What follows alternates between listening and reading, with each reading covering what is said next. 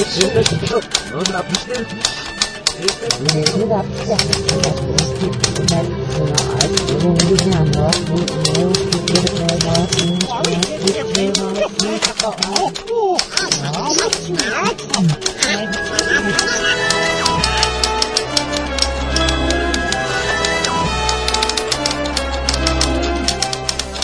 Дописи из Диснейленда. Тишина тому. Ничто мені Ćao i dobrodošli u novu epizodu Dopisi iz Disneylanda podcasta. Ovo je druga regularna epizoda posle one epizode o Igri prestola. Ja sam Miljan. Ja sam Nevanja. E, Miljane, Hristos Vaskrse. Vajstinu Vaskrse i srećan Vaskrs i svima vama koji slušate. Ako i slavite, vi koji ne slavite, nemojte da se vređate budite fini, ako vam neko poželi nešto lepo, kažite hvala, a ja ne slavim, a ne da se bez veze vređate ko neke budale. E, Kako je vas Vaskrs? Ajde, brzin, brzinski samo. Radno. Nemoj zafrkavati. Radno. E, subotu ujutru. Meni je glavna liturgija za Vaskrs uvijek ova veliko subotnja popornja u Studenskom gradu, u kapeli ovaj, u četvrtom bloku. A, subotu sam ujutro imao trening, pa sam bio na ovom mitingu opozicije, jako kratko i onda sam odšao na liturgiju i onda sam subotu uveče od 7 do ujutru u 4 radio, prespavao sam vaskršnju nedelju i onda sam ovaj, se probudio uveče u 7 i radio opet i probudio se u ponedjeljak i sve tako. Ja vas, ja, ja ljude ovdje ne kapiram što se tiče tih vaskršnjih liturgija, mi u Bosni, ja sam bio u Bosni ovaj, u posjeti familiji, naravno sve te veće praznike volim da provedem tamo i Tamo se peva hardcore liturgija ona u pet ujutru i mogu ti reći, pevao sam sa, sa ekipom koja, s kojom smo ja ti nekad davno pevali i da pola sam smo pevali, napevali smo se za sve pare. Čak to i ne zvuči toliko loše i neki od, od ljudi su tamo nas pohvalili i pozdravili i naš prvi podcast, tako da ovaj, pozdravi njima. E, do, Pozdrav za Srbadiju. Tako je. Ovaj, znači, je, hoćemo se doticati Vaskrsa. Jesi imao nešto po povodom toga da kažeš prije što pređemo na baš ove teške političke teme. Vaskrsa kao Vaskrsa, pa ne. Nešto spominjao s neke liturgije, htio sam pa možda jes... da se s tim, ali pošto si propustio liturgiju, Možda pa nisam gledao sam, gledao sam ponoćno na televiziji. A šta, šta je ovaj. tvoj problem sa, sa, sa tim? Pa ajde, a ćemo to bude prva tema. Pa ajde, neka bude laki uvod. Prva tema, e, vaskršnja liturgija u hramu Svetog Save. Ja sam, e, prvo ne razumijem šta ti znači hardcore liturgija u pet ujutru, mislim, liturgija je liturgija, sve jednom dalje u ponoć. Ne znaš ti šta je hardcore liturgija ako nisi pjevao nikad u hramu Svetog Save, recimo Boži, e, Vaskrs, u hramu Svetog Save je hladno, tačka. Bio to, to april, bio to april, bio to maj, bio to januar, ali u januar je baš hladno. I ako nisi nikad pjevao liturgiju u hramu Svetog Save ponoćnu, gdje do tri ujutru sa patrijarhom ili koji već vladika služi smrzneš se, da ne znaš noge da osjetiš, e onda ti ne znaš šta je hardcore liturgija. Hardcore liturgija u smislu old school, nekad su se, koliko znam i u, ovdje u Srbiji su se nekada liturgije pevale u pet ujutro, ova božićna vaskršnja, u smislu da pet ujutro ipak vrijeme. A to nije old school, old school ti je u ponoć, zato što, pa zato što ova na koju ja idem subotom, ova na koju ja idem na veliku subotu, liturgija na koju idem u studentski grad, ona se služi popodne a u većini hramova se služi u subotu ujutru. A ta liturgija u subotu ujutru se služi, a treba da se služi uveče u deset, Služi se večernje, Dobro. pa se čitaju tu iz Starog Zaveta, 15 ogromnih tekstova, znači tu se sjedi i čeka se da čtec pročita sve. Onda se služi liturgija Vasilija Velikog, Dobro. da se znači ne pjeva Iže Heruvimi, ne znam ja šta se pjeva sve onu, po navodnicima regularnoj liturgiji, nek se pjeve one druge pjesme, i onda se poslije ta liturgija dođe taman oko ponoći se služi i onda se završi negdje dva, tri ujutru, onda se čitaju neke ovaj, još poslanice i ovaj djela apostolska i tako to i onda se služi ta liturgija jutarnja Uh, jutrenje se služi, služi se jutrenje, to pa nekako, to nekako ta ponoć nam je varanje, jer ti da, ne, možeš iz, grada da dođeš to ovako, pa ne, a u pet ujutru nit se probudiš kao što treba, a iskreno rečeno da probdiješ cijelu noć i da završiš u 7-8 ujutru neš treba Ne, a sad zamisli, pa. pa to ti govorim, a sad zamisli kako, kakav je to bio tipik da se služile dakle dvije liturgije, jedna u ponoć, jedna ujutru, a između da se čita cijelo vrijeme i da se čita ovaj, eh, i stari zavjet i novi zavjet i ovaj, jutrenje i, i večernje. oni su sad to razdvojili, oni su sad to razdvojili i služe u subotu ujutru prvu polovinu tako reći, znači večernje i liturgiju, a e, u ponoć, odnosno u pet ujutru jutrenje i liturgiju. Volim, ja volim, ja volim Vaskrs, Vaskrs u smislu e, kao pjevač, kao horski pjevač, crkveni pjevač, volim Vaskrs, volim cijelu tu, cijelu to uvodu u Vaskrs, tu strasnu sedmicu, E, volim veliki petak, mislim neke od stvari, ti to znaš bolje od mene, neke od stvari koje se pevaju samo na veliki petak su, su po meni genijalne i što se, što ne, se, jesu, ali što se ne izvode, mislim ne, se češće, ali ja kažem ti, ja nisam neki vjernik, ja to više ne, sam, muzičkog, sa, vjerničkog nekog, laičko vjerničkog aspekta, aspekta je to smiješno zato što E, nama horskim pjevačima je najljepše da pjamo parastose, jer je tu lijepa muzika. I, Dostojanstvena, i, To, više to volimo nego, nego, nego krštenja i, ove, i, venčanja, i venčanja. I tako isto volimo ovaj, veliki petak više nego vaskršnju liturgiju. Jer, je, ali, jer stvarno je dostojanstveno ono ali vaskršnja liturgija je meni malo, e, kažu, pjevački dosadna jer se pjeva milijardu puta Hristos Tako je. Ali svejedno. Ali volim i ono, recimo, što se mijenjaju, ovaj, volimo volim one antifone da pevamo, da je se pjevaju za druge praznike. Pa pjevaju se za druge praznike, ali za klasičnu nedeljnu liturgiju se ne pjevaju. A trebalo bi. li Pa da, znači ne pjevaju se prva i druga slava, A, to ne postoji, nek se pjevaju antifoni i mm, recimo to možda više na liturgiji u, u, u studentskom gradu se pjeva tako, znači pjeva se antifoni, i to, ali znači nedeljni antifone. Ali šta je moj problem sa konkretno ponoćnom liturgijom u hramu Svetog Save? Znači ja sam tamo pjevao u horu od 2001. i moja, moj, moj prvi, prva velika liturgija tu je bio Božić 2002. i ta smo još pjevali gore na balkonu.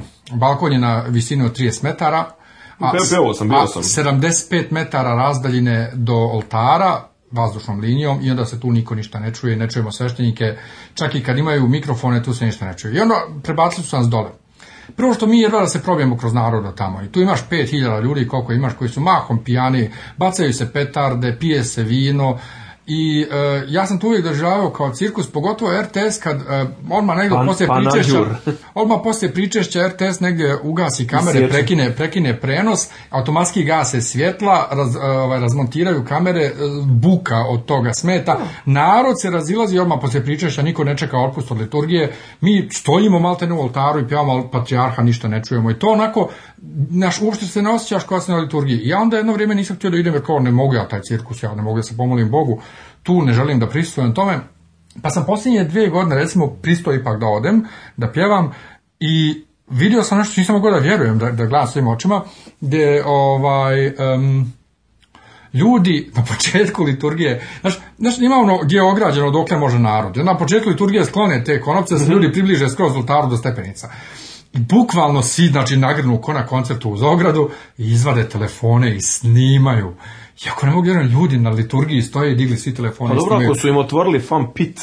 pa, upravo bi snuli, ja, znaš, meni je okej, okay, ima onaj jedan meme, onaj smiješni poster djevojke koja drži telefon u i krsti se i piše eh, da se prekrstim, ali prvo da jedan selfie uradim. Opalim selfie gdje ja stalno se svađam s ljudima po internetu pobogu, sasvim se jasno vidi, prvo vidi se da vi ne idete na liturgije, a drugo sasvim se jasno vidi po položaju ruke, položaju telefona da ona zapravo snima besjedu. O, I snimanje besjede mi je skroz legitimno na liturgiji, ja to isto radim, ja znači izvadim telefon i snimam sve što ovaj, besjedu jer želim da imam pa ovaj, mislim da bi to moglo, ok, to moglo možda da se organizuje malo bolje čisto da ima, ima po nekim hramovima. po nekim imaju, imaju, imaju mikrofone, imaju mikrofone, imaju snimače, ali uglavnom to nemaju, a to je nekad lijepo imati jer ima sveštenika koji umiju da besede, znači ne da čitaju ono nešto što je napisao neko tamo lijevi, pa onda sad to kao nešto čitaju. Ili da, ili da recikliraju isti govor o svakom, o svakom prazniku. Ne, ne, ima, ima ljudi koji stvarno lijepo pričaju i ja to volim da imam.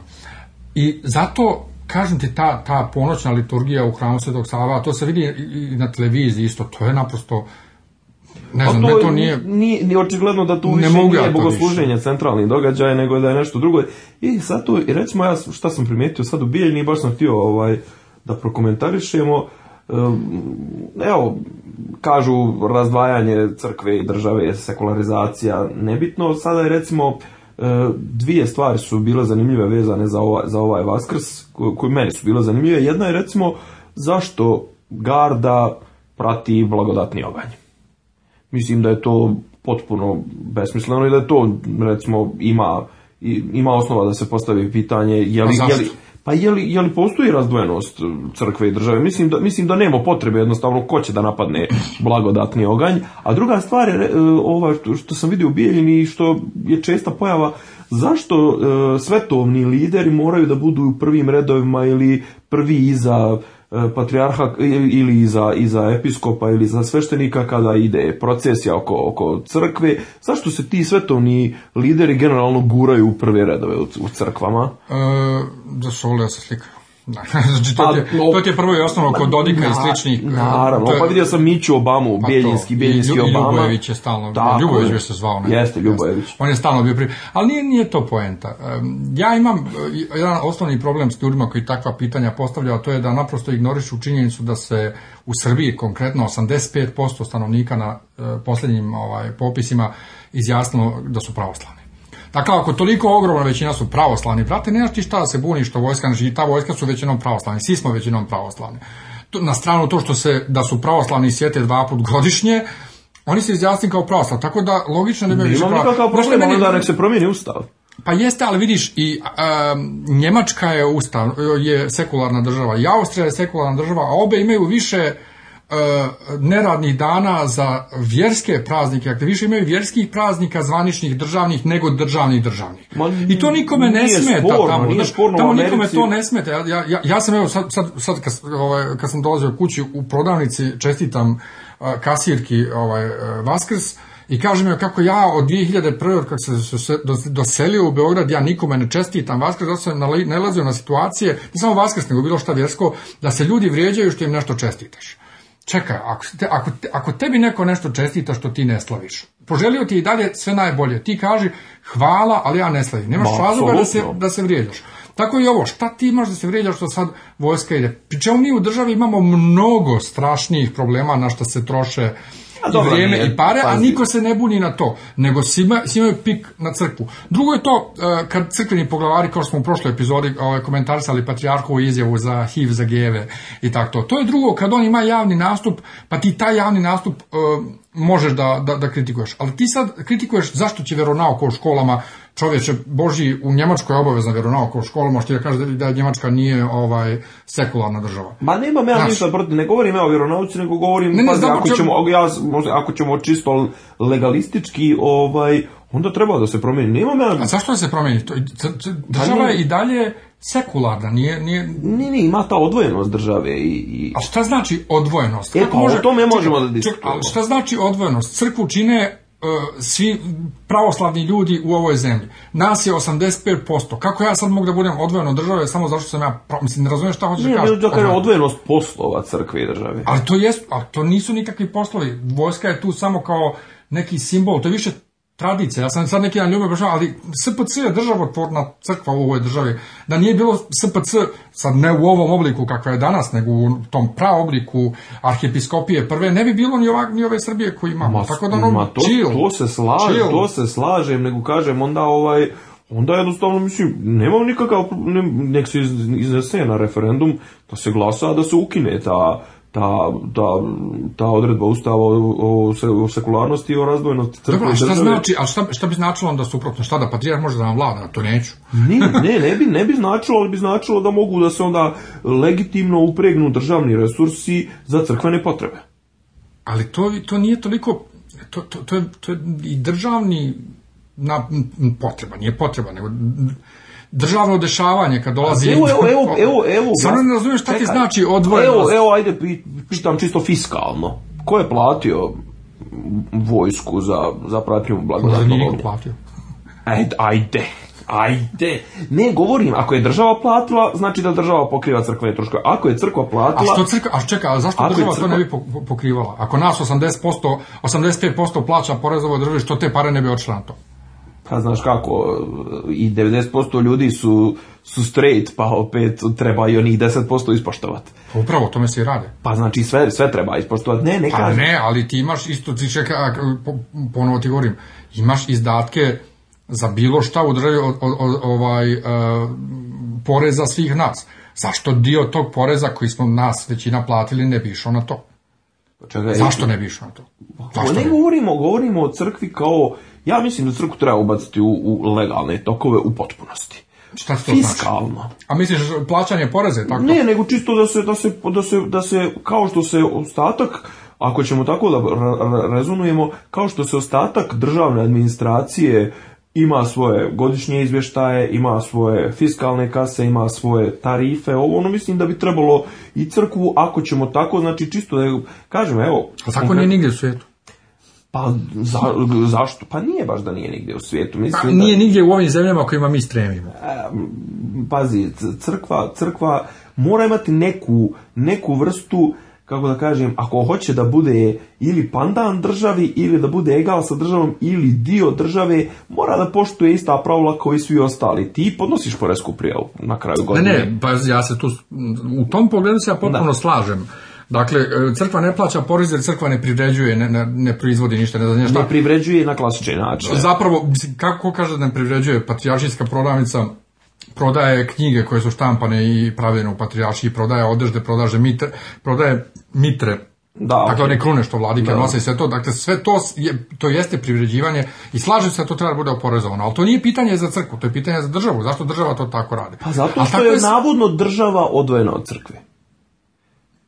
Razumiješ, znači po Ustavu država je odvojena od crkve i ostavljeno je crkvi da uređuje sobstvene odnose unutar sebe nevezano za državu i da joj država ne traži, tačnije ne vrši nikakav pritisak kako će crkva da organizuje svoje unutrašnje redove i svoju unutrašnju organizaciju e, finansijsku, financijsku ovaj finansijsku i bilo kakvu drugu. Tako da ovaj znači ako težimo ka tome kažem nemam nikakav problem s tim recimo u Americi konkretno sada pa evo na za ove izbore čovjek koji je ono glavni oponent Kru, ovaj, Cruz, glavni oponent Trumpu, čovjek bukvalno kaže da će voditi spojnu politiku po Bibliji. I to nije nikakav problem u Americi. Kakva, je spojna politika po Bibliji? Pa, eto, poslušaj njegova predavanja. To, ovaj, ali, kažem, nemam, nemam nikakav problem da, da, da, da crkva učestvuje i u političkom životu, iako ti znaš da se ona malo čak i previše pa imam, miješa. Imam problem s time, crkva, to nije, to nije posao crkva pa znaš kako, uvijek se može plašt brige o, duhovnom, duhovnom e, stanju i o, stanju nacije, može da se podvede i neka politička Znam da može, ali to i dalje nije nije, dobro. A nije dobro, zato kažem, i ono što, mislim, ovo je pitanje koje je starije i od tebe i od mene i ja i ti ga sigurno nećemo riješiti u ovih pa, sljedećih pola sata. Zato ne znam što si ga uopšte pa načeo. Pa to, od, ali crkve ne načeo sam ga oko banalne teme koja se zove zašto se političari trpaju u crkvi u prve Ne, to je drugo, zato što političari vole da se, da, da se ližu sa, sa crkvom, jer narod voli, voli crkvene poglavare, pa ovi će dobiti tako podršku, vole da se slikaju.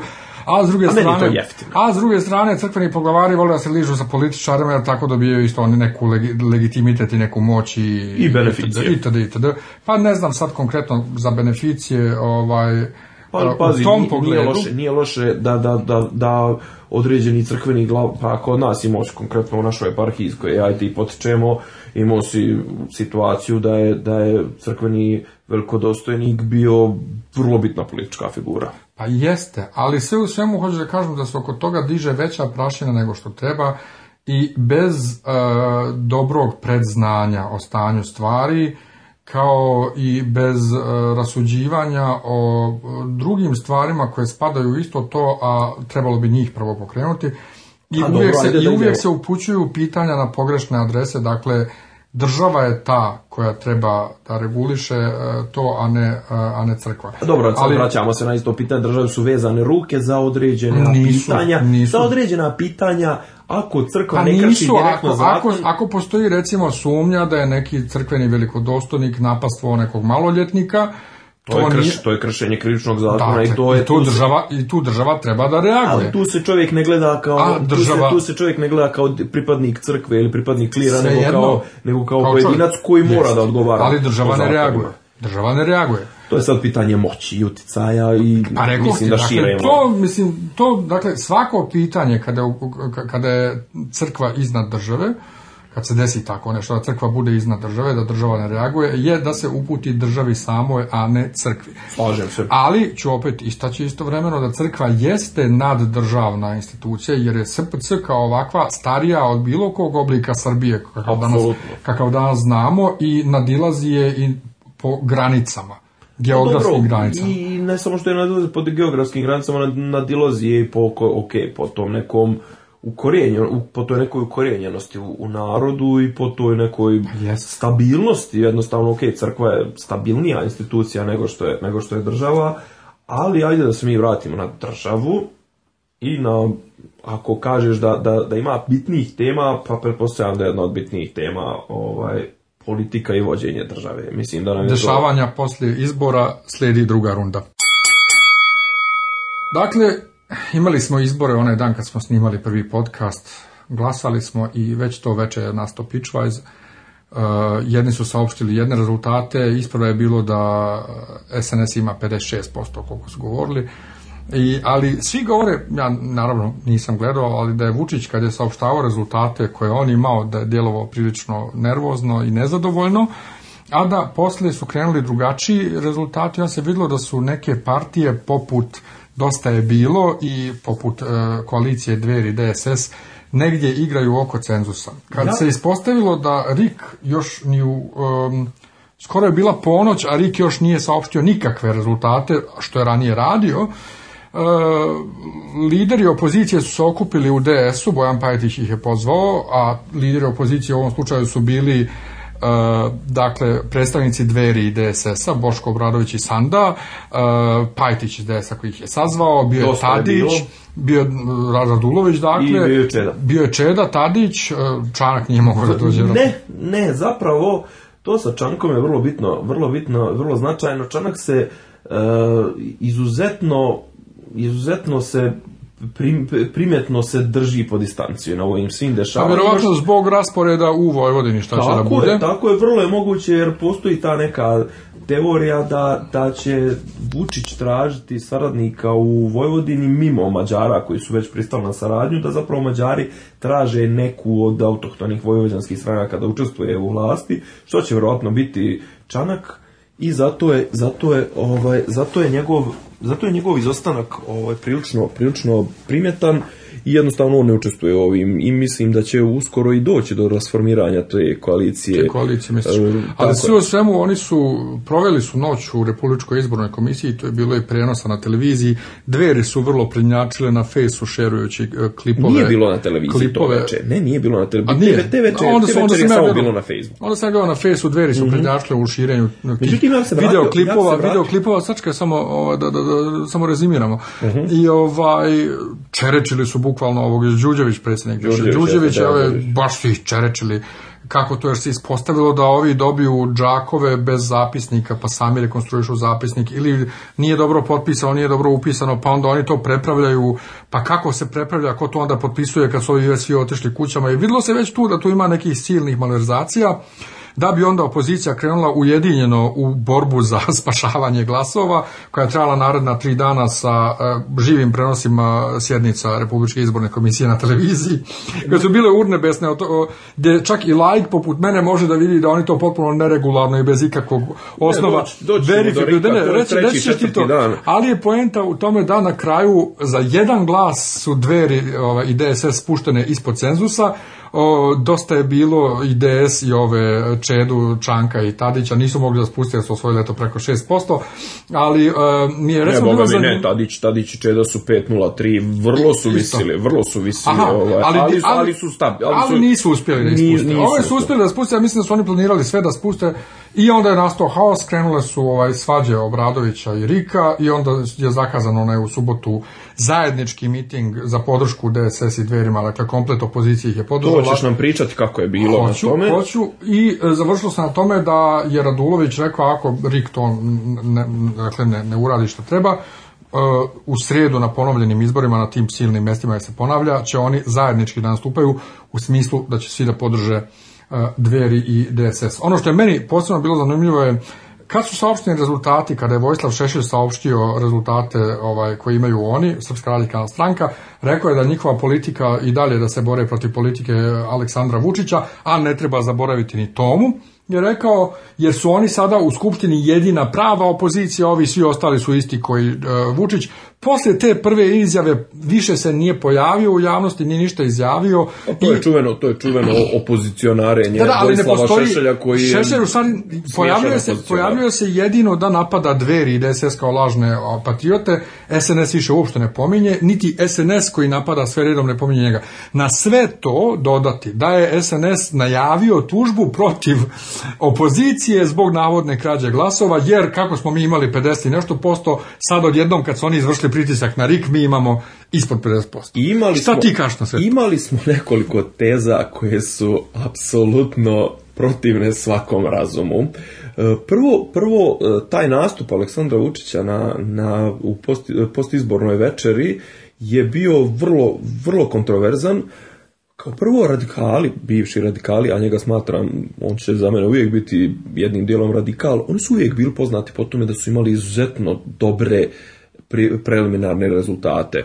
Bio je onaj Todorović koji on kad objavi da je neko prešao cenzus ili nije, on je posljednji put kada je rekao 2012. ili 2014. da radikal ne prelazi cenzus, ono znalo se da ne prelazi cenzus, on je to, nije bilo nikakvih namještanja, a ovaj nastup Aleksandra Vučića i cifre koje on iznio su zapravo bile neka vrsta želja i naredbi Riku, a što je meni razočarenje i Cesidu, e, da oni krenu da spinuju neke informacije, mislim, od, od e, biračka mjesto se zatvorila u 20 času, u 20.30 je krenulo totalno ludilo, prvi presjek koji su radili iz Mađarske, e, iz, bože iz Mađarske, iz, iz Vojvodine je govorio, je govorio da su... Stani, omen est omen.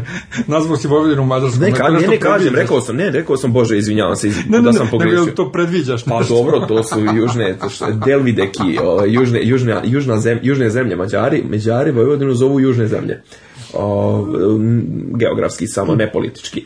I uglavnom prvi presjek je rekao da e, mađarske stranke osvajaju 32% glasova u Vojvodini, što je bilo totalna ludost i što je zapravo vidjelo se u kakav cirkus mi ulazimo. E, to veče, u, u, posle toga se radnja se preselila u RIK i zanimljivo isto veče, koliko se sjećam, to je to, je to veče nedjelja na ponedjeljak, dok je gospodin e, Nebojša iz Beograda otišao da samo inicijativno, što je neko kaže, brani e, e Đurđevića od napada bezočne e, opozicije, istovremeno su neki ljudi sa fantomkama uspjeli da sruše hiljadu kvadratnih metara u centru Beograda, o tome ćemo posebno e, to, to pričati. posebno ne, pričat ćemo, ali samo da kažem, mislim, znači koliko je, koliko je tih dana kako... Što se tu dešavalo? Ludilo se, znači, ludilo, ludilo snagom oceana, što kaže kaže Štulić, plavi moju tijelo i nagriza um. i, desilo se to kasnije kada je Aleksandar Vučić vidio da je vrag odnio šalu, onda su počeli te, preselio je, radnju u, RIK, gdje smo već konstatovali da čovjek koji sjedi u glavnom odboru Srpske napredne stranke je predsjednik krika što je po meni apsolutni nonsens. E, ali stane, on je čovjek dao bio ostavku on je u tehničkom mandatu već godinu i pol dana. On je dao ostavku 2014. Tako je. Ovaj, zbog sukoba interesa, jer su njega ove godine kad su raspisani izbori, eh, oni su njega skinuli napokon s funkcije i odmah ga ponovo izabrali. Tako da to, je ludilo neko opšte. Mislim, da, mislim da to je jednostavno jedna od tekovina civilizacijskih i, i, političke kulture u Europi i, u civilizovanom svijetu, da jednostavno bar taj koji broji glasove trebalo bi da bude neutralan, a kod nas je, znači, ne da nije neutralan, ne da je simpatizer vladajuće stranke, nego, nego je čovjek, da li član predsjedništva ili član glavnog odbora.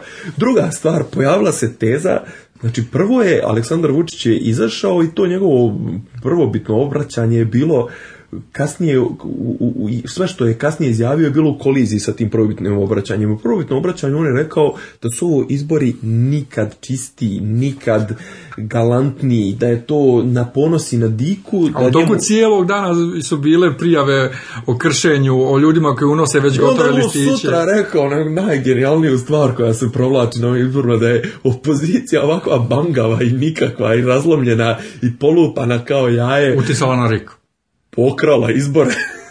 Tako što su izvršili pritisak na Rik.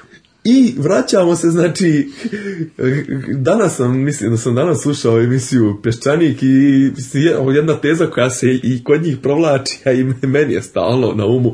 Znači, u vladavini Aleksandra Vučića sve se dešava jednom u hiljadu godina. Imamo godišnje poplave, imamo slučaj jednom u hiljadu godina da nekom fali jedan glas. Jedan glas. I imamo po prvi put u istoriji da opozicija pokrade izbore vladajućoj stranci. Ali pokrade ih tako da imaju tačno 5% da uđu u parlament. Znači ne više, nego tačno 5%. Pa dobro, nisu mogli puno da pokradu. E sad se ja vraćam na realnu analizu ovih izbora, a to je da moja procjena neka i procjena ljudi, jednostavno ono što, što smo do sada konstatovali iz nekog našeg ličnog iskustva, neposrednog iskustva, e, kad god pričam s nekim ti ljudi koje, znam i kada vršimo neku političku analizu, stalno govore da maltene ili znaju jednog od 300 ili jednog od 500 ili nikoga u njihovoj okolini da će glasati za SNS. A onda se pojave rezultati koji kažu da je od 40, od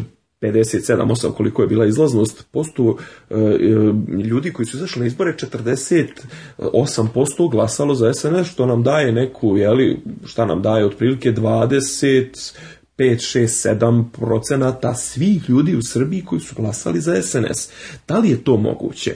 Ja mislim da je realan domet e, SNS-a bez pomoćnih sredstava koje ću kasnije malo samo da obrazložim, da je realan domet SNS-a nekih dva, da recimo 30%, 20, oko 25% ljudi koji bi glasali za njih da je sve fair i pošteno ko što jeste. A šta, zna, pa, šta mislim fair i pošteno?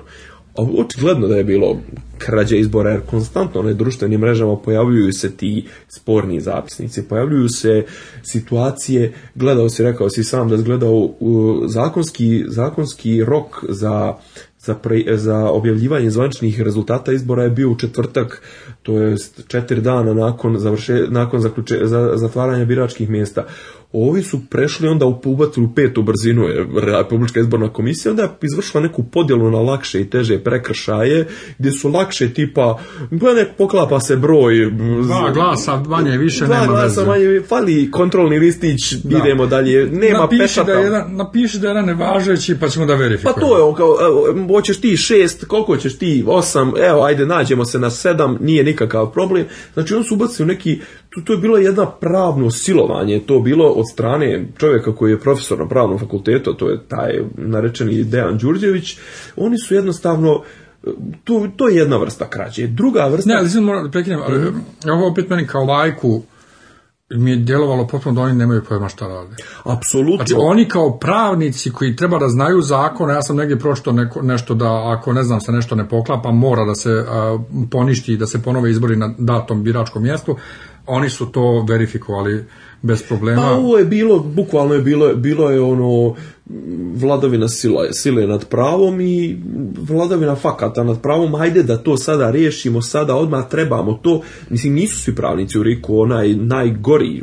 najgori onaj što se naj, najgadnije ponašao što je, što je napadao Boško Bradović i Miladin Kovačević, on je, on je profesor na matematičkom fakultetu. On pa je statističar, da. On je e, za, on je baš za nekoj ženi koja je rekla da ne može ona da velike koje je to nešto na mjestu na kojem je ona bila biračkom, nešto se tu ne poklapa, ima tu viška, ima manjka, ovamo ne vrijedi ovaj zapisnik, piše pogrešno. Rekao, ma to je neka banalna greška sigurno. Ma naravno. naravno. to je banalno, pustite uglavnom, to molim uglavnom, to je znači jedan način krađe i drugi način drugi način krađe, ne očite krađe, ali jednostavno nefer prikazivanja izborne volje građana je kupovina glasova i prinuđavanje ljudi koji su zapošljeni u državnim organima da glasaju za vladajuću stranku. Dobro, to smo već pominjali. To je uvijek, ali to, je stalno, mislim, to će uvijek biti jednostavno. Meni je, kad kažeš, ja sam mislio da ne znam nikog glasa za SNS, znam ljude koji ga podržavaju, pričao sam ti o tome koji kažu, mhm. ali on bar nešto radi, znam bar dvojicu mladih ljudi, znači 25-6 godina koji su glasali za njega.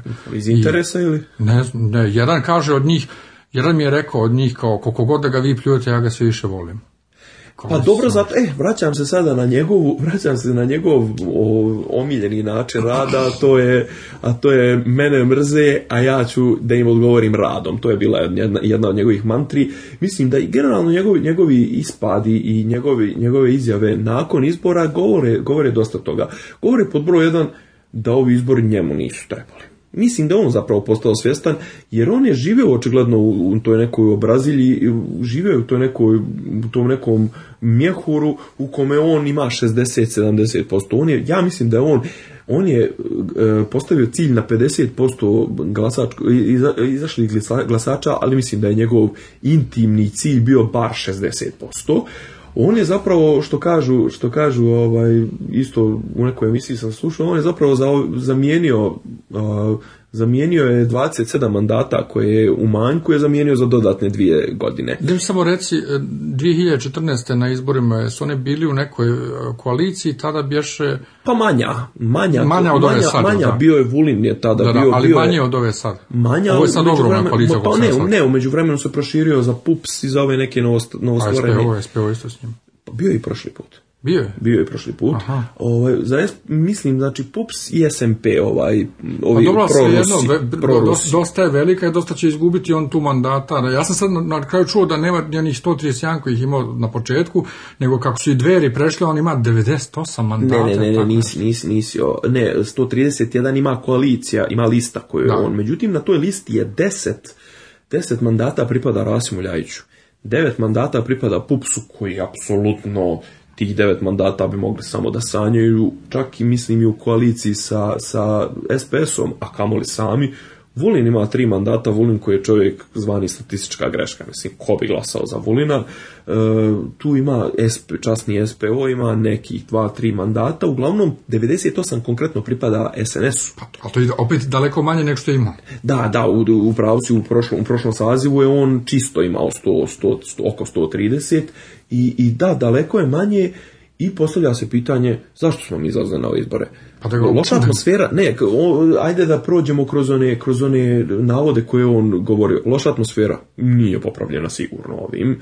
E, stabilnost, apsolutno, znači sada će morati da mnogo više plaća e, stabilnu komotnu koaliciju, komotnu većinu, nego što je plaćao prošli put kada je imao. A mogu da ima sam, da napravi vladu bez ikoga, on je napravio koaliciju. Upravo tako. Pa dobro, to je, to je uvijek dobar način da držiš u rezervi kartu za ponovne izbore. Uh, on će sada morati, on će sada morati, on je naravno u nekoj od izjava u onom svom pasivno-agresivnom modu je izjavio kako on može u, roku od 24 sata da skupi 190 do 210 poslanika, što je vrlo, vrlo moguće. Ne treba zaboraviti, ovo Bakić kaže da, da jednostavno neće se promijeniti nešto puno u Srbiji u pogledu, pogledu vladavine Aleksandra Vučića, jer on jednostavno ima toliko njih drži u džepu, toliko radikali samo čekaju poziv, SPS isto je ucijenjen, Čeda isto ucijenjen sa onim kreditima koje je Radulović pominjao. Realno on može da skupi 180-190 poslanika, međutim gdje se on sapleo? Sapleo se time što je na mala vrata su ušli neki ljudi koji će sada biti mnogo vidljiviji a to su DSS, dveri, pogotovo dveri i DJB. Ja bih sad ovdje napravio da pređemo na sljedeću rundu, a, to, a da to upravo bude ovaj DSS dveri i protesti opozicije. Dakle, ovo sam htio da odvojim kao posebnu temu e, DSS dveri kao fenomen. A zašto? Zato što ja sam mislio, ajde ja sam usamljen slučaj, ja sam budala, ja pod navodnicima mrzim dveri. Ja sam imao dosta problema zbog dveri. Ovaj, dok sam, samo što sam počeo da radim na crkvenom radiju, mnogo sam ja njih nešto pljuvao na fesu jer sam tvrdio da su fašisti i ovaj, e, pitao ga šta se tu bilo, znam samo da su došle neke priče do vladike Amfilohije, da to, se, treslo mi se radno mjesto zbog njih, i onda sam recimo godinu dana sam čutao, nisam ništa radio, da bi godinu dana poslije, ovaj, oni su... u dvije oni su, trenutku nisu bili politička stranka, oni su bili pokret. E, tad su, kad sam ja imao problema, već bili politička stranka, ali ja sam njih krenuo da napadam dok su bili pokret i tvrdio sam da, je, da ih plaća DSS, da bi oborili DS i da im je DSS se obećao da će da uđu u gradsku vlast, da znam ja šta, i da će oni da postanu partija, oni su tvrdili nećemo, nećemo, nećemo, na kraju su postali partija, dakle ispostavile se sve moje informacije kao tačne, ali potpuno nebitno, ja sam u tom trenutku civil, pojedinac, nemam nikakvu funkciju nigdje, nisam, ono, isprdak sam na, na, na, na, na zadnja rupa na svirali, a sve njih je to potreslo poslije kad sam ih nešto dirao i pravili su mi probleme s poslom, godinu dana nisam ih ni pominjao na fesu i poslije godinu dana e, širili su plakate za ja imam talenat za ono brata i sestru Pekoviće mm glasaj za njih Srbe ovo ono Srpčići da pobjede nešto tako pa sam ja na fesu harmonika i da, ja sam na fesu pa slatki su njih dvoje i pa ali ne možeš stavljati netemperovani instrument nema veze i temperovani nema na stranu da mi se sviđa ne sviđa njih dvoje su fina djeca slatki su talentovani su jako i nebitno pa neki ali neću sad da ja ispadne zašto ja glasam za Bojanu Stamenov, na, e, ja imam talent da ja sad nisam srbin. Ja sam ja nešto napisao, majku vam jebem pičko pačeničko, sitno političarsku, nemam pojma, sutradan se to prepričavalo u patrijaršiji. Znači, došao mi je zamjenik urednika i rekao kako u patrijaršiji se to prepričava, došlo je do patrijarha da sam ja kao, bože dragi, imate li vi pametnija posla u toj patrijaršiji nego da pričate šta je Miljan Tanić pisao na fesu. I tako da ja imam dobro. sa dverima jako ono odnos da sam ja išao dotle da bilo koliko na mom timelineu na fesu išta pozitivno o dverima kaže ta ide na blok automatski. Dobro. Dakle ne želim da te vidim ono u životu. I sad smo došli do apsurda, ja sam mislio, ja sam usamljen slučaj koji je tako ima negativan odnos prema njima, pa ih sad podržava zato što su očigledno pokradeni a ja sam demokrata 100% i hrišćanin 100% i brate mili, mogu ja tebe da mrzim koliko hoću i da te ne volim, ali ako si ti dobio tih svojih 5%, posto ti, si, moje, moje. ti si dobio tih 5%, evo ja ću umrijet braneći tvoje pravo da uđeš u parlamentu koji ja ne želim da ti uđeš. Dobro, I onda sam, sličan sam. vidio na fejsu milion ljudi koji isto tako rezoduju. Jovana iz vremena kaže Znači ja sad koja sam protiv toga da jedna stranka pređe cenzus, treba da idem na piting, da podržim da ta stranka pređe cenzus svaka čast Vučiću kako se. Ali pazi, to je upravo ono recimo što, što to, to je istovremeno borba protiv, protiv ovog sadašnjeg vladajućeg režima i njegovog načina razmišljanja, znači to je, ti se boriš za princip, a ne za personalno rješenje. Ne, ali upravo se to radi, znači neko, da ljudi koji podržavaju DS, a ne shvataju zašto je DS pozvao svoje glasače da glasaju za dveri, ne razumiju demokratiju. Jer DS da to nije uradio, DS bi se poslao po demokratiji koju navodno zastupa. Pa dobro, pazi, pazi, demokratija je, demokratija je i da e, dveri pokušaju na ferku da osvoje tih svojih... Ali oni jesu na fer osvojili, u tome je spojenta. Pa dobro, slažem se, slažem se. Ne, e, ok, ako konstatujemo da, da je ovo bila krađa klasična, a jeste bila krađa, onda treba upregnuti neke svoje resurse da, da se ta krađa ispravi i da se nepravda ispravi. Slažem se. Ovaj, I nemam, nemam ništa protiv tih poziva, kažem jednostavno, postoje neke stvari koje su iznad toga da li se ja i ti slažemo ili ne slažemo. Jednostavno ja i ti, ako smo ljudi, ako smo E, demokratski nastrojeni ako smo ljudi koji poštuju određene civilizacijske tekovine, ja i ti imamo minimal, najmanji zajednički sadržavlac u određen, određeni korpus stvari i principa oko kojih ćemo ja i ti zajedno da izginemo, nebitno je da li ćemo se ja ti, ti navijaš za Zvijezdu, ja navijam za Partizan, ti navijaš za Starka, ja navijam za Rodgersa, znači oko toga ćemo da se pobijemo sto puta, ali oko nekih stvari nema zajebancije. E, i zato meni je drago, iako ne vidim da se sad nazire neki novi dos, a ne bih ja ni volio, što se opozicija tu ujedinila i što nastupaju sad zajedno e, Tadić, e, DSS, e, Čeda, Boško i ovaj Radulović, Radulović zajedno, Znaš, nekako mi toplo mi oko srca i bilo mi je smiješno prvi put u životu sa svoje 34 godine ja sam bio na mitingu i to u subotu na mitingu gdje viori se zastava cara Dušana i zastava, da li malteških vitezova, ona bijela sa crvenim krstom, onim nekim ili tako nešto. To je krst. E, ne, ne, ne, nego, od, od, kao onih. Nije, nije, nije, nego krst, crveni krst, a misliš ima usjek, da, usječane krst, usjećane trogove, pa moguće da je bilo pa to je malteški. Ali e, i to se viori i svira Beogradski sindikat fake grupa sa svojom fake pjesmom Sistem te laže, koja se ovdje uklapa u, ovu priču.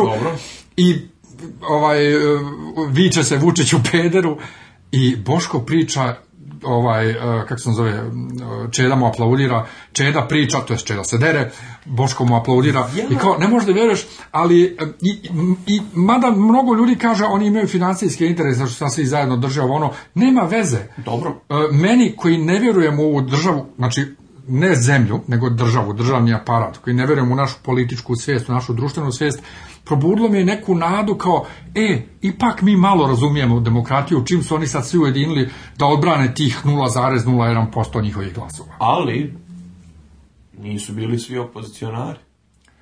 Ko nije bio? On pa nije bio Vojvoda. pa Vojvoda nije bio zato što je on rekao da ovi nisu opozicija, samo je on prava opozicija, ovi nisu, tako da on... Vojvoda je jedan svirač kurcu, da se ne lažemo. nemo da diraš Vojvoda, on je pobjedio Hag. Pa, to, to je super.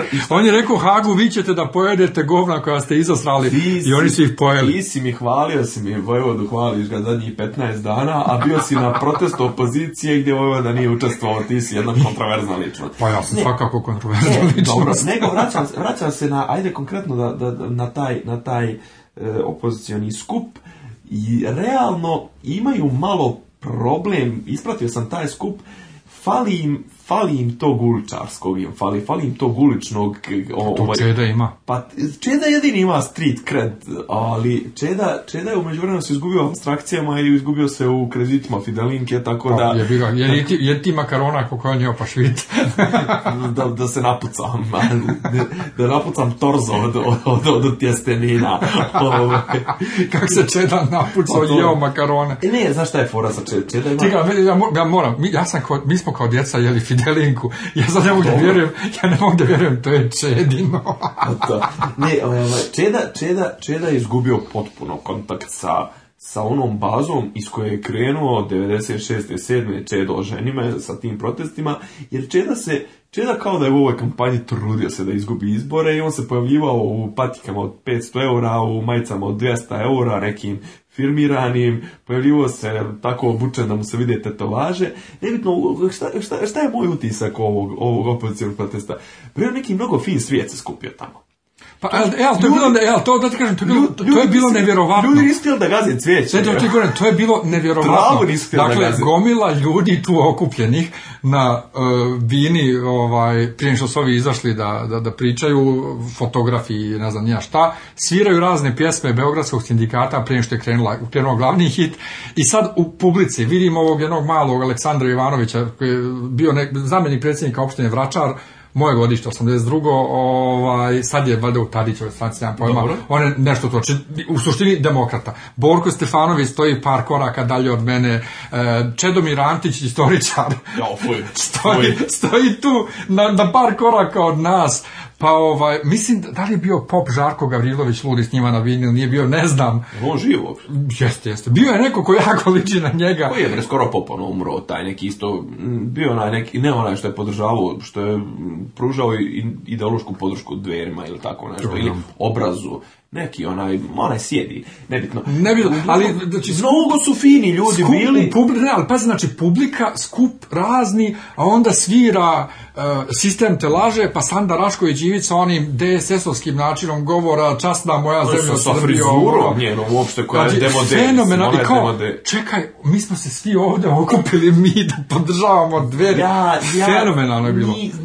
Disneyland, a to je Disneyland par excellence. Absolutno, ali to nije oprosti. Pa i patak, pa ono pa i patak pa ukradena torba i svi smo se okupili i daba, daba no, protestuje da se vrati pa i ono patak pa torba. Ono je bio, mislim, meni je drago isto što su se skupili na jednom mjestu i što su se skupili oko odbrane nekih demokratskih principa. Međutim, ono, onda ja ne vidim neki, neki potencijal za, za ulicu, za, uličnu, za ulični fajt. za Apsolutno fini svijet, međutim, ja sam iskreno rečeno, onda sam zaželio se pravog, eh, pravog uličarenja političkog i onda sam uzeo da gledam da gledam snimke protesta i govora iz 91 falio je Vuk, ali Vuk iz 91. Ne ovaj izdajnik Vuk, nego Vuk iz 91. da popali masu.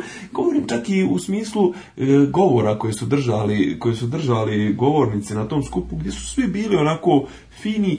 I, ono što me najviše plaši, realno što od svih njih najveći potencijal zato sad ima Boško Vradović koji isto je nebrušen prilično je jo meni ja kažem ti ja prema dverima imam užasno negativan stav i smatram da su oni što bežite? diletanti. taj čačanski nadlasak Ali neka ga, neka ga, nek priča on kako hoće, ali, ali je previše agresivan, previše agresivan. A, ne, ali a kažem, agresivan, ali ne u, u, onom smislu koje treba, kažem ti. Ne, e, ali ako ruku na srce, Draža mi je, znači koliko god da ga ne volim, Draža mi je njegova otvorena agresija, Slažem se. nego o, Vučićeva ona prikrivena, gdje mm. da Finjaka ko fol zavlači, a zavlači ono od pola metra. Ne, pazi, Vučić ima taj problem što Vučić, Vučiću nije dovoljno što je pobjedio, Vučić i dalje nastavlja da ponižava. Pa ponižava i opoziciju i svoje političke protivnike, a u prvi dio rečenice mu uvijek glasi, ali ja neću da e, govorim jezikom mržnje, neću da, da, da vrijeđam, a neko oni što su nas pokrali, što su drivci, što su pokrali djecu ometenu u razvoju, lopovi koji glasaju iz Bodruma i mislim, ja tu apsolutno Ajde, znači... ovaj, samo, dakle, možemo lagano da zaključimo temu izbori dok ne vidimo sutra šta će da se uradi na ovim izbornim mjestima, valjda će dveri da osvoje taj potreban broj glasova. Ne, treba, moramo, moramo dobiti konačne e, liste i moramo dobiti saziv parlamenta, ali šta nas biće čeka? Saziv, biće saziv parlamenta vrlo veseo, ovaj, u odnosu na ovaj prethodni, možda čak i ja počnem ponovno da pratim skupštinu čisto rekreativno i zavodno, ali moram samo jednu stvar da, da, istaknem, da istaknem u e, Londonu i Torontu e, na izborima je DJB su osvojili po 30 i nešto posto fazon, a SNS 11-12 posto, što sasvim lijepo pokazuje kako e, ovaj vođina ruka ne doseže ne doseže Ne samo to, na ponovljenim nekim na ponovljenim nekim izborima nešto u Nišu koji su bili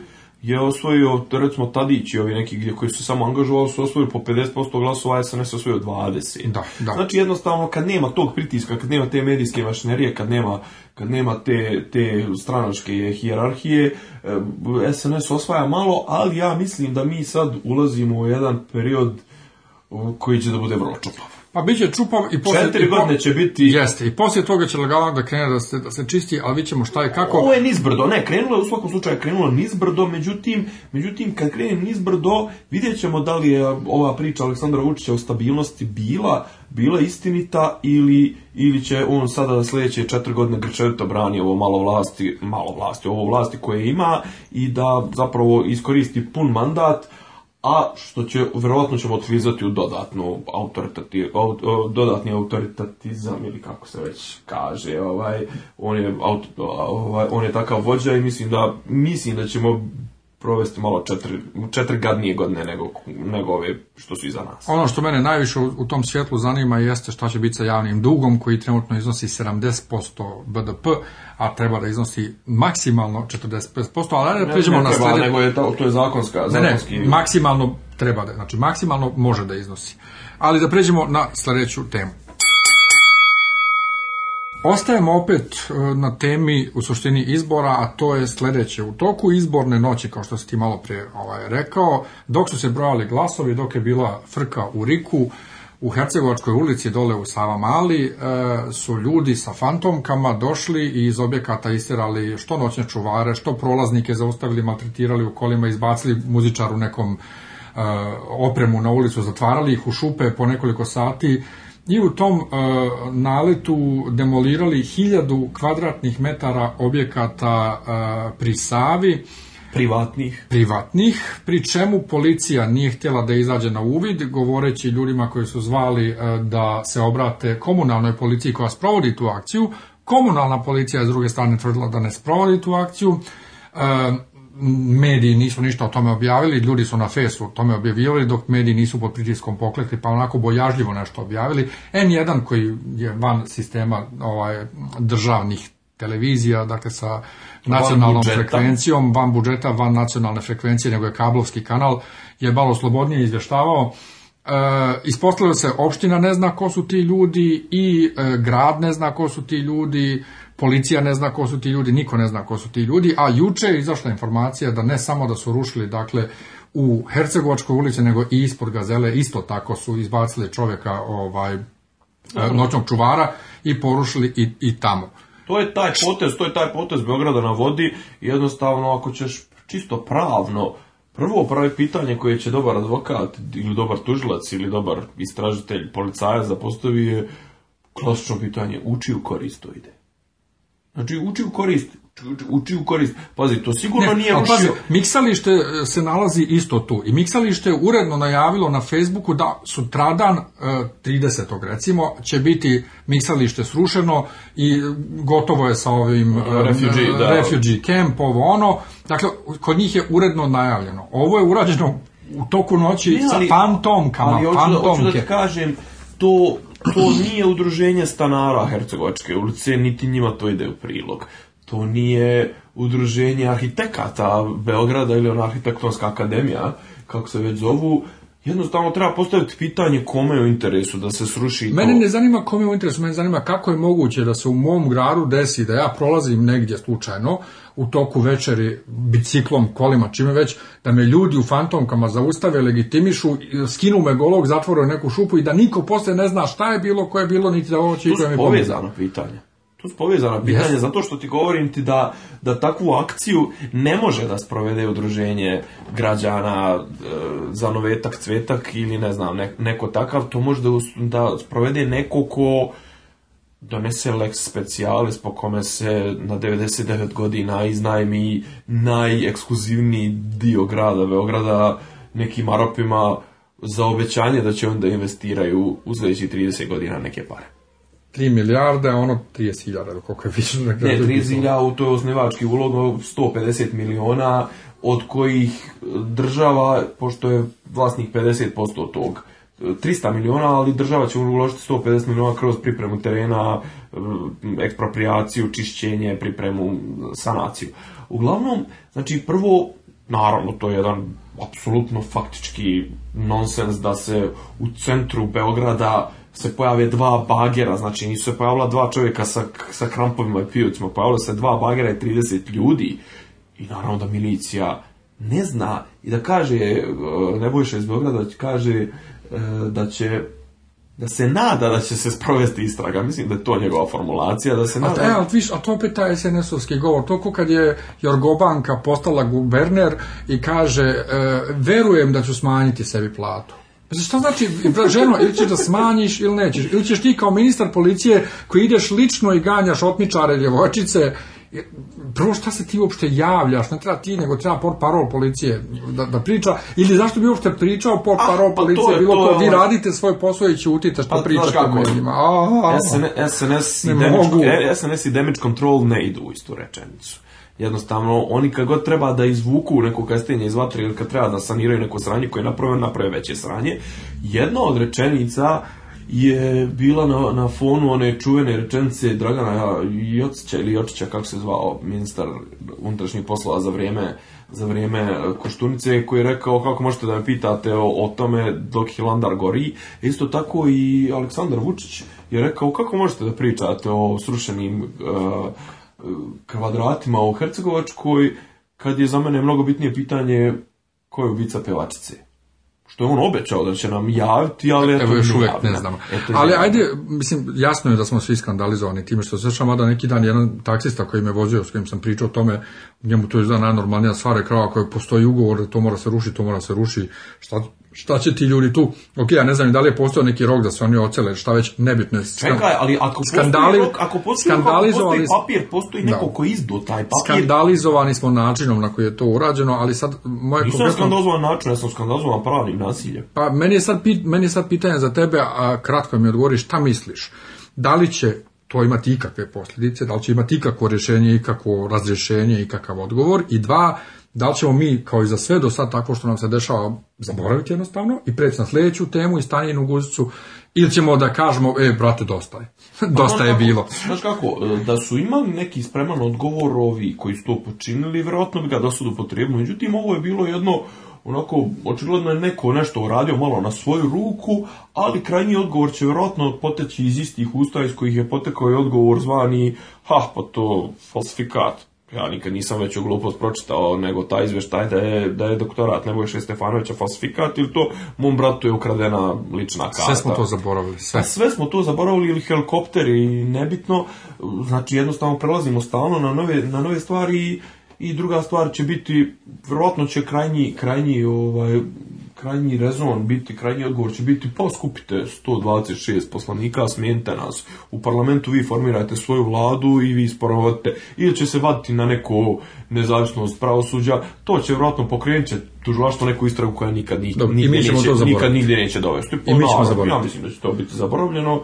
Mislim da se oko toga jednostavno, to je jedno sileđistvo koje postoji samo dva načina da, se to spriječi, a to je institucionalno da se, da se mijenja, da se mijenja, ali moramo čekati sljedeće izbore pa neki van institucionalni A mislim da je to zapravo mijenjanje naše svijesti, jer sve dok se meni lično ne desi nešto takvo, ja nisam svjestan u kakvom mi e, pravnom stranju od države živimo i mislim da je žalostno pa što, što, što zaboravljamo. Najnovija informacija je da je Rodolju Šabić dobio neke prijetnje dobro preko društvenih mreža ili čak možda i direktnije u fazonu e, ti što se raspituješ o tim momcima pod fantomkama, nemoj previše da se raspituješ, mogu ti njih lično poznati. Mislim, da to, je rečenica a pa dobro, dobijali su i oni Janković mnogo gore. Ali dakle, bit će zaboravljeno. Ja bih sad da lagano pređemo i na jednu posljednju temu, malo da rasteretimo priču, a to je sutra uveče kod nas napokon premijera kapetana Amerike građanskog rata. Volimo Marvelove filmove, volimo građanski rat. Ja sam čitao to 2006. Volimo kad je, kad je ovaj, izlazi, izlazio strip, nisam ga pročitao do kraja, e, filmska verzija će biti naravno znatno drugačija jer je priča u filmovima drugačija, ali evo, ovaj, već sam danas imao ono, ljudi porede sa Batmanom i Supermanom zbog slične teme, odgovornost superheroja za ovaj, za uništenja koja dolaze kroz njihove akcije. Hoću da te pitam šta su recimo tvoja očekivanja o filma. Pričat ćemo ili u sljedećoj epizodi malo, pa onda u jednom specijalu opširnije o pa filmu. ja sam krenuo, ja sam krenuo, iskreno krenuo sam da iščitavam ovaj, proširenu verziju stripovsku, jer je neko naravno na, na, na internetu mogu da se nađu objedinjeno počeo od... E, to, je, to ima nešto brojeva pa svega ima od, od Amazing Spider-Mana preko, preko Fantastic Four, preko ne znam, Avengersa i mogu ti reći da me zanima. Zanima me, vraćamo se na ove teme, znači prešli smo sa ovih laganeze tema jedno, jednobojnih e, pozitivaca, jednobojnih negativaca gdje znamo ko je, ko je e, good guy, ko je bad guy i sad prelazimo u ono nijanse sive što, što, što sam mm pročitao negdje, tako da mene, mene to zanima, zanima kako će biti sani ti likovi i za koga ću se opredijeliti ovako, na Keca ja, ja navijam za kapetana Amerika. ja navijam, možda... na ja navijam na Keca za kapetana, evo i na meni kapetan Amerika, ovaj, trenerka, ali i u stripu je Iron Man e, predstavljen ono baš kao on je, nije u pravu, on je negativac, kapetan je u pravu.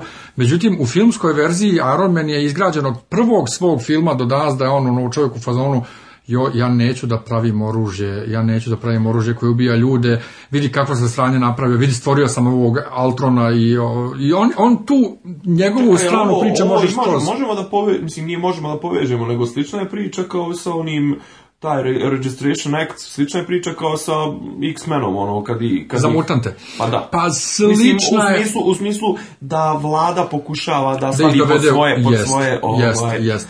S tim što registracija mutanata kod X-mena je skroz drugačija, to je više bilo kao registracija jevreja u Njemačkoj i pedera i ne znam ja koji sve već. Kad kažem pedera ne mislim naravno nikakvu ništa peorativno, to je onako samo kolokvijalno, nemojte da se vređate odmah vi koji slušate dakle, registracija manjina. To, je, to je više, više to. Ovo, ovo kod njih je e, više da bi vlada imala uvid ko ima koje moći i da moraju da rade za vladu. E, u filmu je to opet malo drugačije, zato što se tu njihovi identiteti znaju, a više da bi e, neke vladine agencije, pošto je Shield pao, jel te, pod hidru, da bi ih ovaj, kontrolisali. I tu Ironmanova priča potpuno ima smisla, zato što je on čovjek, dakle, sam doprinio tome da se dosta toga razruši, uključujući tu nesretnu Sokoviju, koja je zapravo Srbija. Ako ste gledali drugi dio Avengersa, vidjeli ste da su napisi na srpskom i da ljudi pričaju srpski tamo. ovaj...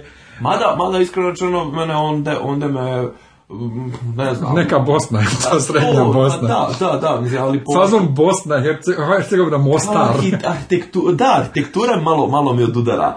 Ovaj, E, dobro, da, znaš kako, konstatovali smo već da je, da je dosta toga izašlo na, na internetu, mhm. informacija je procurilo, jesi ti, pa u, blackoutu? Ja, sam, ja sam bio, nisam bio u blackoutu do prije mjesec dana kada je bila, znači Disney je toliko uvjeren u film da je pustio mjesec dana ranije, ne svojim ovaj, eh, iz, iz, iz Disneya. Ovim, ljudima iz eh, povjerenja. Ni, ljudima iz Disneya, kao što je Warner uradio za Batmana i Supermana, pustio svojim eksekutivcima da oni gledaju pa da hajpuju film, ne, pustio novina novinarima, istim onim koji su napljuvali Batmana i Supermana, pustio im je ovo na novinarskim projekcijama i svi su ljudi poludili, posebno zbog novog Spidermana, jer Marvel nije imao prava... Kako drži e, Ne znam da li, ima već, ali bio je nešto 98%, ali poenta sa novim Spidermanom je, što ljudi ne razumiju većina običnih ljudi, Marvel nije imao prava filmska na Spidermana jer je bio, e, kao što nema prava ni na X-Men ni na Fantastic Four, zato što su 90-ih bili blizu e, ovog mm, bankrota, pa su prodali filmska prava. Pa ali, Sony.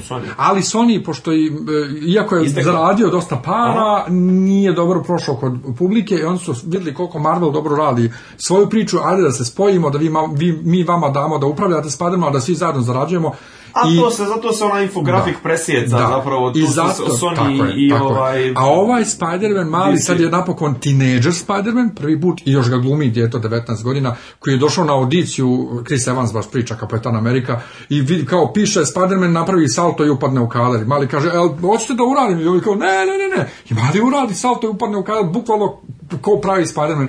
Tako da smo svi poludili i reakcije na spider Spider-Mana su nevjerovatne. Znači, kažu najbolji Spider-Man od sad, tako da jedva čekam da vidim ja, šta će, ne men, šta Spider-Man? Ja ne mogu da ga zamislim da nije u, solo ulozi. Mislim, ne, solo, njegov solo film Spider-Man je solista. Ne, ne, ali solo film njegov izlazi sljedeće godine, a Spider-Man u Civil War i u Avengersima već, odavno. O, dobro. Ako se, ako se čitao, pa, znao. Ne, on tu živi, sam, on tu živi kod Starka, on tu živi kod Starka u kući. Starko, Starko desni, tako. desna ruka. Tako da, da e, očekujemo dosta od ovog filma. On je već sad zaradio, pušten je u, negdje u Europi, u Kini još nije pušten, u Americi još nije pušten, već je zaradio 200 miliona tamo gdje je pušten, što je jako mnogo, s obzirom da nije pušten u cijelom svijetu, vidjet ćemo šta će da uradi. Pa smo rekli maj. E, sutra je premijera kod nas. Mi ćemo u sljedećoj epizodi koja će izaći sljedeće nedelje ili ponedjeljka pričati između ostalog malo o Civil Waru, a vjerovatno ćemo imati posebnu epizodu kao što imamo, imat ćemo redovno svake nedjelje za Game of Thrones, odnosno za Igru prestola. Deset, Ovaj, deset. još, još, još devet. Da, još, ne, još osam. Još tako je. E, imat ćemo vjerovatno i za Civil War, a u buduće i za neka tako druga veća dešavanja, filmove, možda X-mene, pa ćemo praviti posebne epizode u kojima možemo pričamo sat pa i S obzirom da ćemo, nećemo otkrivati na čemu trenutno radimo. Nećemo ništa, ne, ne, nećemo ništa otkrivati. Dobro, eto da znaš da ćemo onda nekad s vremenom dobacimo specijali za... Super Bowl? Super Bowl. Da objasnimo ljudima u Srbiji šta je Super Bowl. Tako je, finale NBA, nebitno. Dobro. Vama svima hvala na pažnji. E, ako imate neki komentar, ostavite u komentarima, bilo na Facebooku, bilo na Soundcloudu, bilo kod mene na sajtu. Možete nas pratiti na miljantanić.com i moje nemanjine tekstove ili na Facebooku, na Soundcloudu, Twitteru, a e, stare epizode ćemo kačiti na YouTube i Mixcloud. Ostajemo tu s nas, čujemo se sljedeće nedlje, Ćao. Ćao.